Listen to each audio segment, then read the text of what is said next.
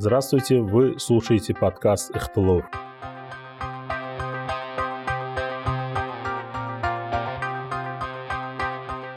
В сегодняшнем эпизоде мы беседуем с господином Ришардом Каменда, региональным представителем УВКПЧ ООН по Средней Азии.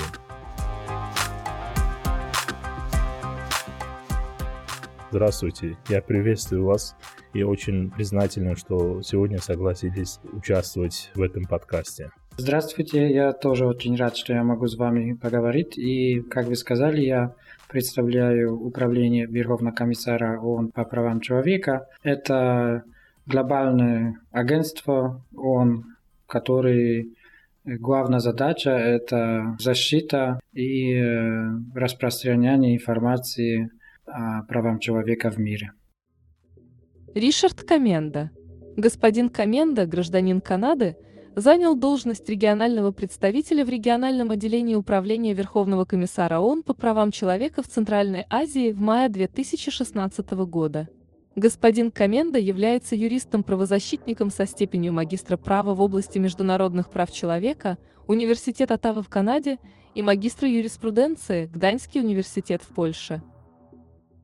Я знаю, что вы уже чуть больше недели находитесь в Ташкенте. Я бы хотел попросить вас рассказать повестку вашего визита, адженду и какими целями из вашего визита вы намерены достичь.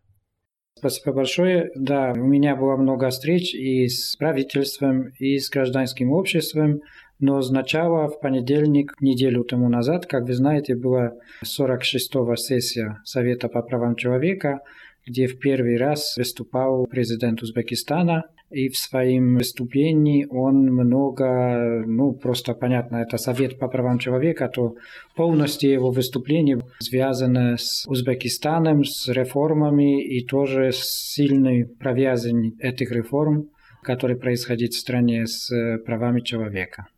Да, о реформах мы поговорим. Как международный юрист, международный деятель, который защищает прав человека и распространяет конвенцию ООН, я бы хотел спросить, что для вас значит речь президента? Какое послание вы услышали как представитель ООН? Да, самое главное в этой речи, ну, первое, что она очень сильно, ну, сильно высказано намерение, которое Узбекистан делал и планирует сделать в ближайшее время Первое – это то, что президент э, сказал, что Узбекистан наблюдает и э, будет наблюдать международные стандарты во время реформования Узбекистана. И второе, что Узбекистан твердо привязан своим международным обязательствам в области прав человека. И как э, президент дальше сказал, много вопросов правительство будет привязывать и делать на пользу женщин и равности женщин в жизни страны, в деловой и других жизней. Потом тоже особое внимание правительство будет уделять людям с ограниченными возможностями. Тоже президент сказал, что в ближайшее время будет ратифицирована Конвенция ООН по правам инвалидов. И тоже сильно, как вы знаете, и раньше и будет это продолжаться, тоже поддержки молодежи. Тоже планируется провести Всемирную конференцию по молодежи. Тоже Узбекистан вынесет на Совете по правам человека на рассмотрение вопрос учреждения Института специального докладчика по правам молодежи. Это будет новый дополнительный. Потом тоже Узбекистан продолжает свои усилия, как вы знаете, с 2018 года, с первого Самаркандского форума по правам человека поднялся вопрос образования в области прав человека и тоже планируется продолжать эту работу, включая организацию тоже глобальный форум по образованию в области прав человека, отмечая 10 лет декларации ООН в этой сфере. Тоже президент сказал решать вопросы лиц без гражданства, беженцев – ну, очень много, очень, очень хорошее направление, но с нашей точки зрения, то, что важно, тоже там, я забыл, тоже вопросы по свободе слова, по развитию гражданского общества, это очень важно. Что я хотел сказать, что важно, чтобы не только фокусироваться на хороших декларациях и хорошей визии в хорошем направлении, а в реализации этих международных обязательств в области прав человека и практически эффективное введение рекомендаций. Как вы знаете, многие механизмы по правам человека или универсальный периодический обзор, договорные органы, спецдокладчики, они предлагают чтобы помогать реформе в Узбекистане, много рекомендаций, практических рекомендаций, как это делать в области прав человека. Введение этих рекомендаций в жизнь это как бы тоже очень важный шаг, что мы хотим здесь достичь, чтобы наступило изменение в области прав человека, на, чтобы было меньше нарушений прав человека, чтобы люди могли нормально, достойно жить и принять участие или в общественных, политических э, механизмах и процессах в стране. Вы упомянули очень интересные моменты. Конечно, что Узбекистан делает шаги в это направление, всех нас радует. Я бы хотел задать этот вопрос, но, как вы уже сами упомянули, я бы хотел поговорить о правах людей с физическими ограничениями, инвалидами. Как мне известно, 27 февраля 2009 года Узбекистан подписал конвенцию ООН по правам людей с физическими ограничениями. Но прошло 12 лет но до сих пор Узбекистан не ратифицировал эту конвенцию. Как вы считаете, вот из вашего опыта, что Узбекистану, допустим, мешает ратифицировать конвенцию? Это не чувствительный какой-то момент, это защищает прав людей с инвалидностью, это помогло бы интегрировать жизнь этих людей в обществе, чтобы они инклюзивно занимались, обучались. Вот работая относительно недолгое время, 4 года, как региональный представитель по правам человека по Средней Азии. Как бы комментировали бы?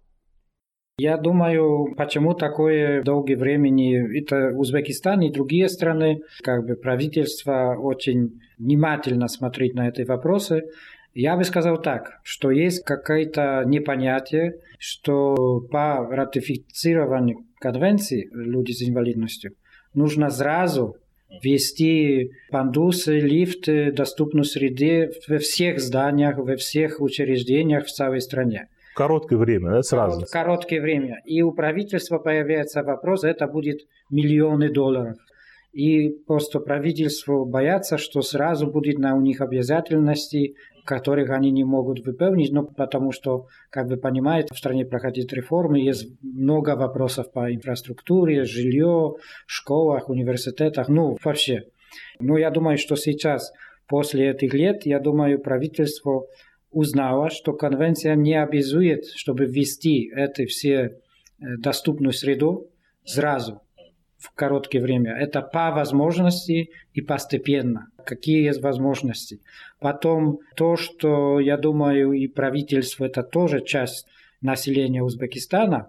Главный проблем в инклюзивности, потому что проблема не в деньгах, ну, есть и денежные расходы, а проблема есть в менталитете. И потому что мы все, как бы мы на властной коже не чувствуем этих ограничений, что мы инвалиды, то мы как бы этого не видим. Но я дам такой пример. У меня есть очки. Да? Я снимаю очки, и сейчас я инвалид. Я не могу читать, что здесь написано. То значит, каждый из нас может сломать ногу. И оказывается, что в городе все ступеньки, нет лифта, двери узкие, не можно войти. И это изменение менталитета у взрослых людей непростое, потому что по традиции, по привычкам люди с инвалидностью как бы стыдно. Как кто-то инвалид дома, то его не выпускают на улицу. Потому что людям стыдно признаться, ну, как бы раньше такое было. А как поступает больше общения, что это нормальные люди. Они могут и принимают участие и в реформах, и в развитии страны, и приносить пользу, и платить налоги, то потом начинается как бы другой подход. Но начало в школах, например, раньше – в советское время был подход такой, что дети с ограниченными возможностями физическими и психическими учатся в отдельных школах. И это брак этой инклюзивности. Просто дети без ограничений, они не знают, что есть другие люди. Вообще не знают, не встречают. Из-за этого очень легко попасть в стереотипы. Потому что у вас нет общения, Но и этот процесс, я думаю, сейчас будет продолжаться не только в сфере физически доступной среды, как я говорил, это постепенно, это просто нужно закладывать в бюджет, то не значит, что целый бюджет страны сейчас пойдет только на затраты на нужды людей с инвалидностью. Это процесс, это тоже как изменить бизнес. Видите, например, здесь много бизнесов построил пандусы, которые не по стандартам, потому что они не советовались, не приглашали люди с инвалидностью или организации, правозащитных организаций, неправительственных организаций, не спрашивали, какие стандарты, как это сделать. Делает такой пандус, на котором никто не может подняться сам. Это просто так, чтобы галочку поставить. Но это тоже, я говорю, процесс. Как мы думаем по людям с ограниченными возможностями, это не только, которые есть физические ограничения, это может быть каждый человек. Пожалуй, человек, как скользко на улице, тоже тяжело по ступенькам ходить. Пандус, как под хорошим уклоном, можно спокойно войти, легче, не нужно сильно мучиться. Вообще, как строится здание, я давал такой пример, какая ширина двери. Да? Поменять стандарт, это нет затратов, это закон. Поменять по стройным ну, закону, или как это называется, чтобы двери были пошире, чтобы спокойно могли да, я помню, вы говорили канадский пример, что широкие двери это стандартно. Если вы хотите узкие двери покупать, их нету, вам приходится заказывать, и это как бы дорого. Я хотел бы еще добавить, что вот мой друг участвовал в Лондоне в туристическом выставке, да, Tourist Fair, и там к нему подходили люди ассоциации туристов-инвалидов, и они спрашивали, вот э, в Узбекистане какие гостиницах, общественных местах какие условия созданы для людей с инвалидностью. И оказывается, что этих людей, туристов-инвалидов, которые занимаются отправкой, их достаточно много. И Узбекистан, я вот хожу, бываю в гостиницах, которые построены недавно, я захожу и вижу, что для них нету элементарно туалета для инвалидов.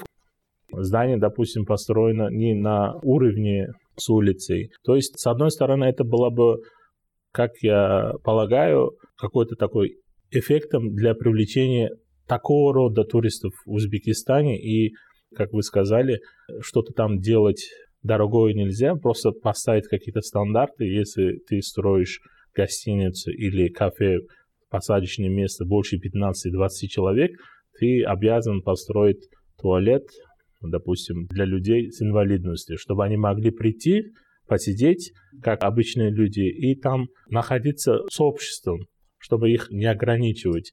Это вот один пример из Великобритании, который можно было легко применять в стране.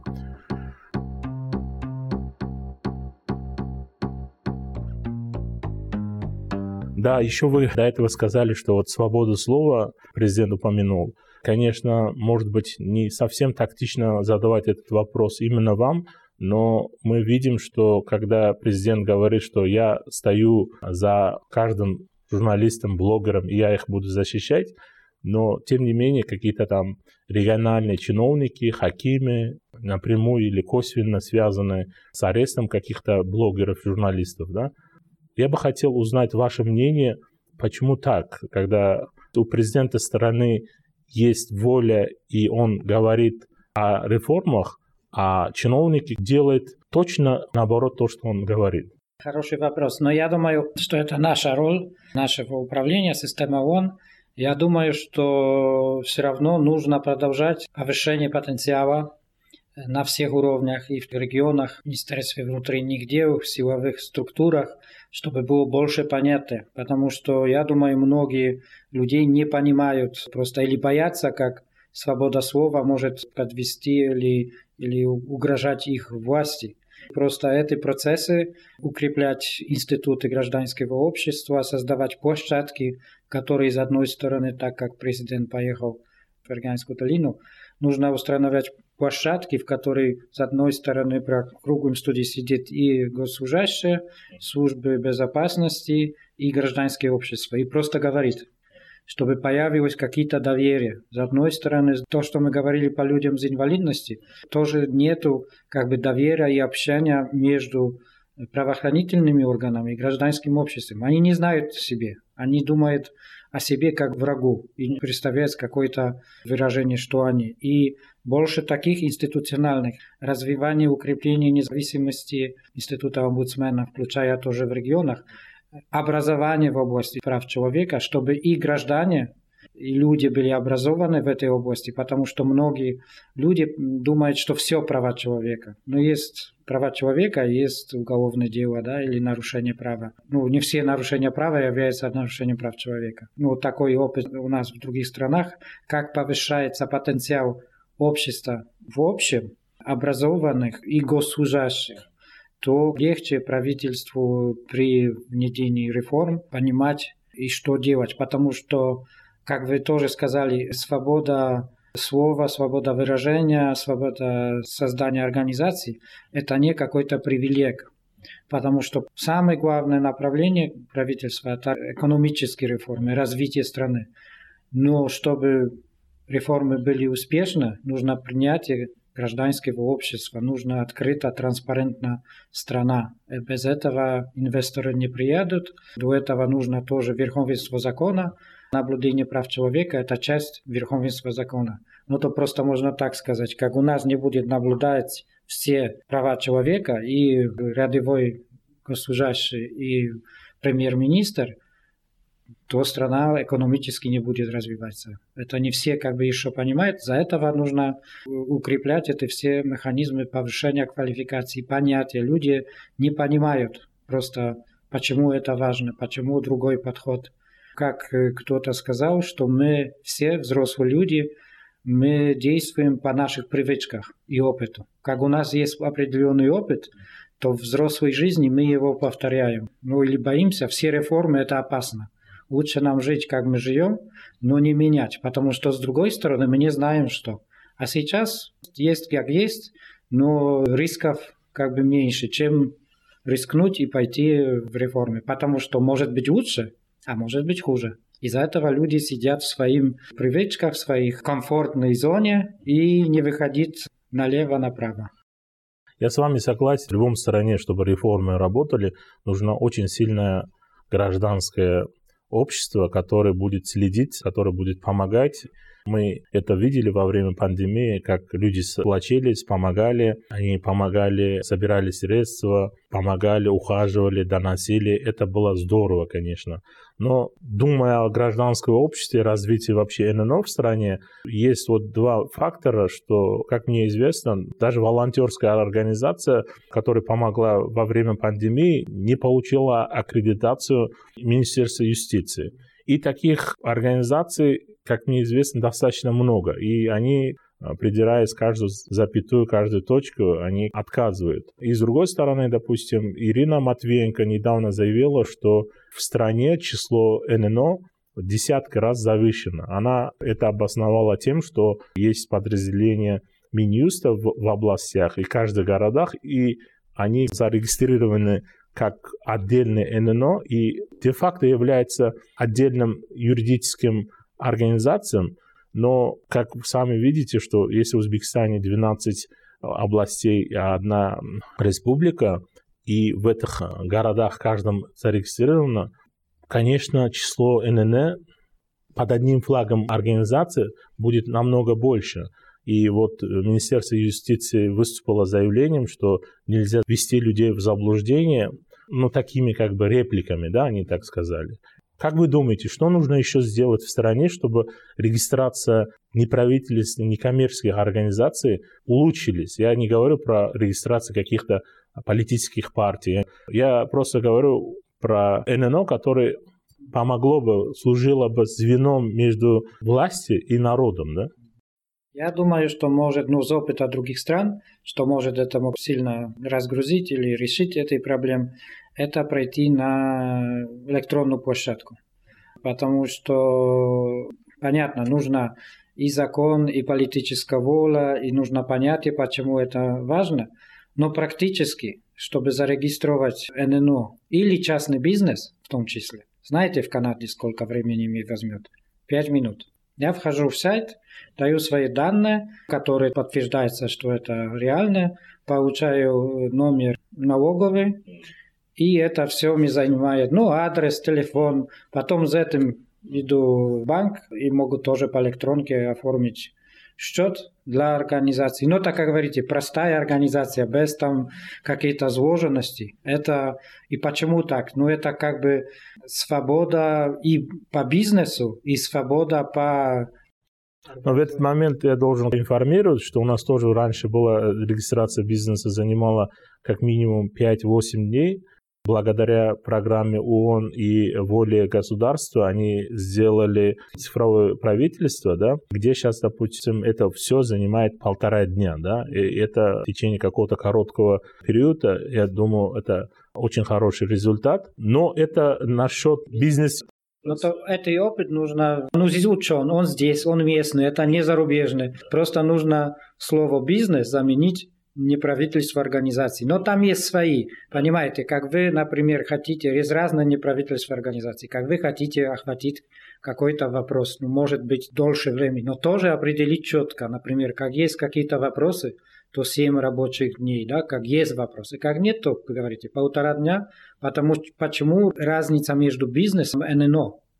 Не нужно быть дополнительных отчетов. Мы Макдональдса будем проверять 20 раз в месяц, чтобы все отчеты, все гамбургеры посчитали. Нет. Но мы хотим, чтобы они за все отчитывались. Значит, нужна эта политическая воля, и я думаю, это будет на пользу правительства. Никто не говорит, чтобы сделать подземное, незаконное ННО. Все хотят открыто, транспарентно повесить свой отчет в интернете, посмотреть, кто что делает. Но просто нужно ровно право для всех ровно площадка. Мы говорим по пандусам, да, тоже, чтобы не было барьер, не было ступенек. Давайте сделаем ровную площадку для всех для ННО, для бизнеса. Но мы говорим, политика это другое, там есть другие вопросы.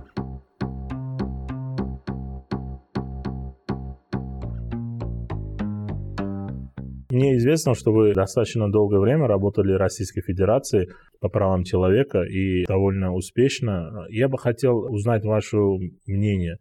Мне кажется, что насчет некоторой законодательной юридической части Узбекистан позаимствует или берет, и я наблюдаю, что если в России, допустим, год проходит, и регистрация, работа ННО с годом становится еще тяжелее, и ННО, МПО, где, как называют, приравнивается как ячейка, так скажем, диверсионной какого-то иностранного агента, да, грубо говоря, мы это видим.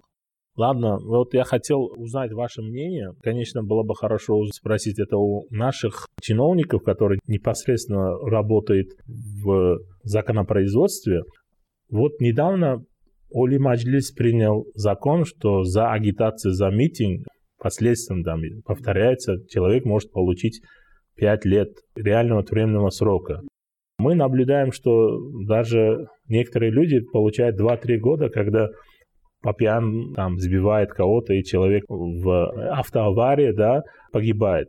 Сравнивая ваш опыт работы в странах СНГ, в Средней Азии, насколько вы думаете, соизмеримо вот это наказание поставленным, так скажем, я бы сказал, что это не только, к сожалению, пример в Российской Федерации, а это глобальная тенденция сейчас. То мы, вопрос прав человека идет на снижение глобальное. И пандемия тоже некоторые правительства, и не только здесь, используют это как хорошую возможность, чтобы увеличить контроль, включая в электронном пространстве.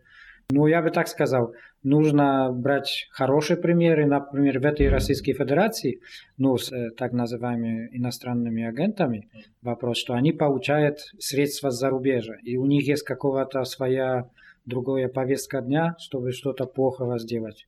И мы долго поднимали этот вопрос с правительством России, и они установили свой местный фонд, укрепили. Он большой, но чтобы не было вопросов, что всем понятно, средств местных нету, привлечь бизнес и ну, положить фонд для неправительственных организаций, которые решают какой-то комитет под открытым транспарентным путем, чтобы были тоже местные средства, да, потому что ссылаться только на деньги доноров тяжело в этой благотворной работе.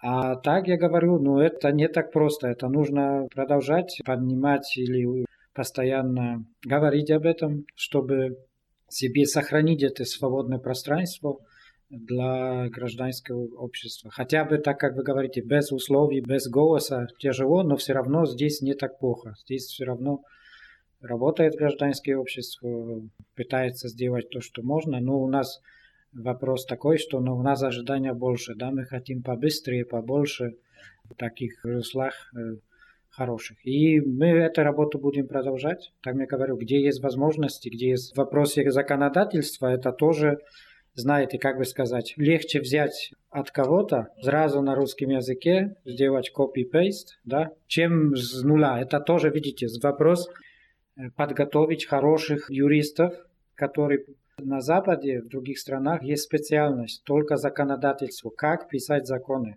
чтобы их потом через год не менять. Это целая профессия. Это тоже на Государственном юридическом университете открыть специализацию законодательства. Да? Как бы как писать законы, чтобы они были хорошо написаны. И не нужно потом смотреть или, или там западный, французский, российский, другие... Доделывать, дополнять, доделывать, изменять. Написать, доделывать, сразу написать его хорошо на узбекском, без переводов, не терять этой нет, это долгосрочно то такое. Я понимаю, в реформах все хотят, вот, примеры, эксперты приезжают, но эксперты тоже, у них есть определенный свои подход. Я говорю, образовать хороших экспертов в области прав человека, юристов, которые будут писать хорошие законы, то будет легче и успешно. Но это долгосрочно. Воспитать юриста возьмет сколько лет, там, 3-5 и больше, да. Мы обсудили какие-то краткосрочные реформы, сделанные президентом страны. Вы косвенно сейчас упомянули какие-то долгосрочные реформы. Я бы хотел бы вас спросить, давайте, так скажем, пофантазируем, какие еще реформы или какие еще международные конвенции, международное право вы хотели бы, чтобы страны Средней Азии приняли Смотрите, Узбекистан, в принципе, в Средней Азии большинство стран, ну, самые главные, там, 11 есть э, конвенций по правам человека, они почти все приняты или будут приняты. Вопрос такой, что первое, чтобы их принимать без оговорок, просто принимать, как они есть, не сильно ограничивать этот дух самой конвенции, почему она создана.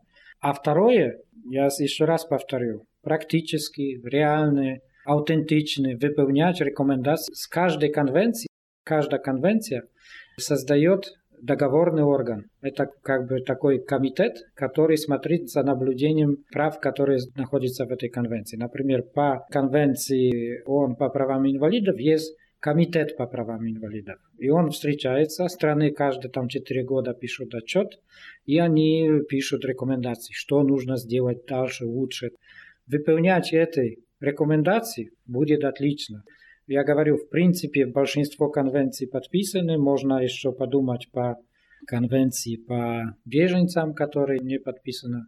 Я бы сказал так, самое главное сейчас нужно сфокусироваться. После, надеемся, что быстро будет конвенция о правах инвалидов и факультативный протокол по предупреждению. Ну, ратификация. Да, пыток, то внедрять практически то, что в конвенции есть. Опять вопрос юридический, чтобы потом текст конвенции нужно будет сделать целый обзор законодательства, чтобы он содействовал этим правилам и стандартам в конвенции. Это тоже для парламента вопрос дополнительный. Нужно проверить, в принципе, целое законодательство страны, где она может быть дискриминировать и не быть инклюзивна. Это тоже такой нагрузка, но она тоже, как бы сказать, ну, юридической точки зрения.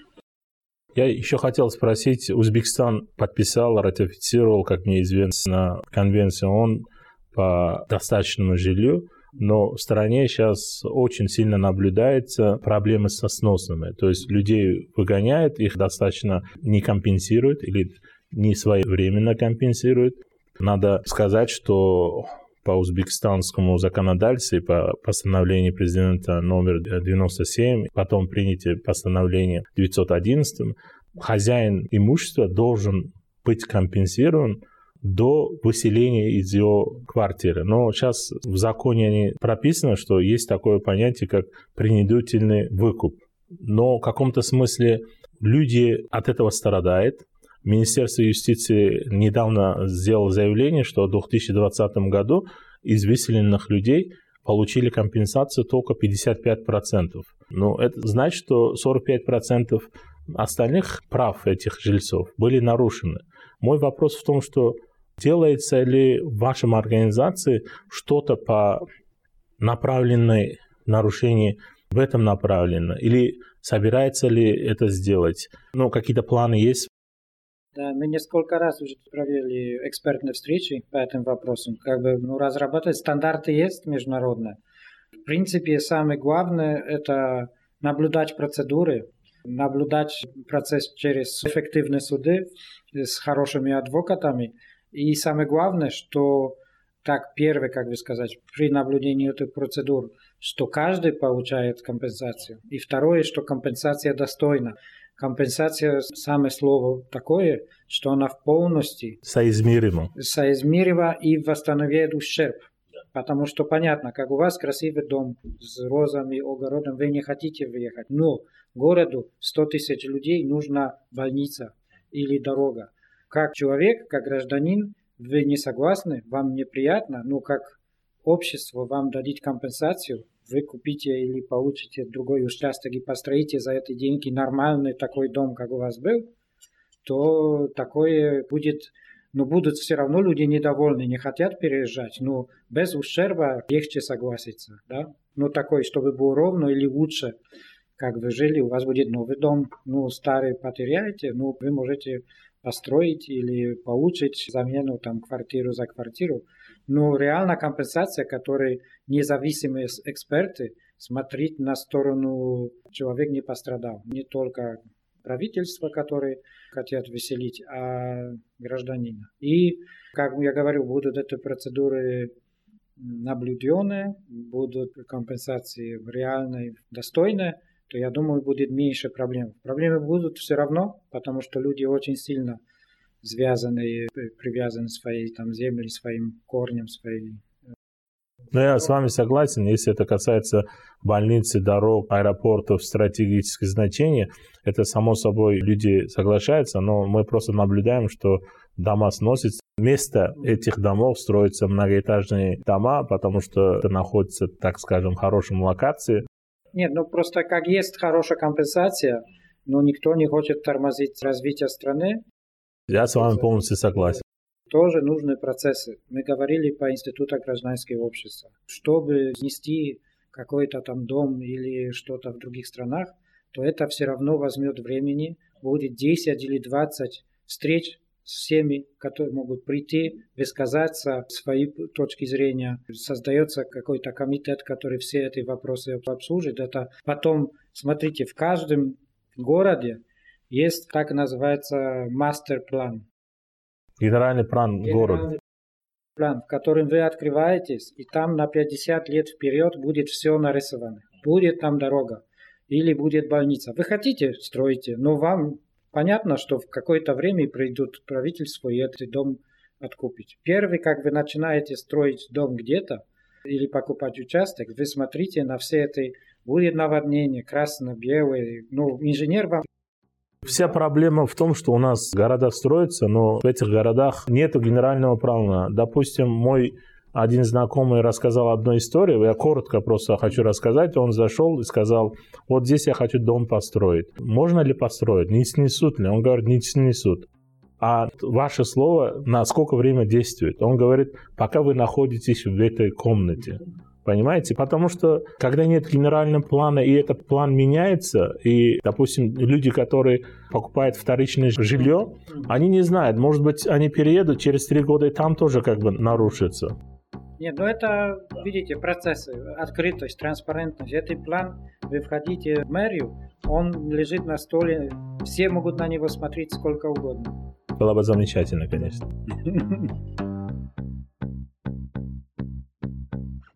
Господин Коменда, я хотел бы поблагодарить вас за эту встречу, за этот диалог. Мы этот подкаст записываем второй раз из-за технических ошибок, так скажем, да, но тем не менее вы уделили мне второй раз время. Я не могу выразить, насколько я благодарен.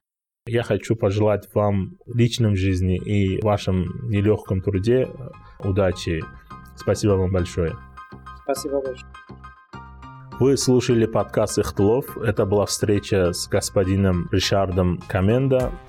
Слушайте нас в для вас приложениях Apple Podcast, Google Podcast, Spotify. Кстати, Spotify недавних времен доступен в Узбекистане. Поделитесь этим подкастом с друзьями.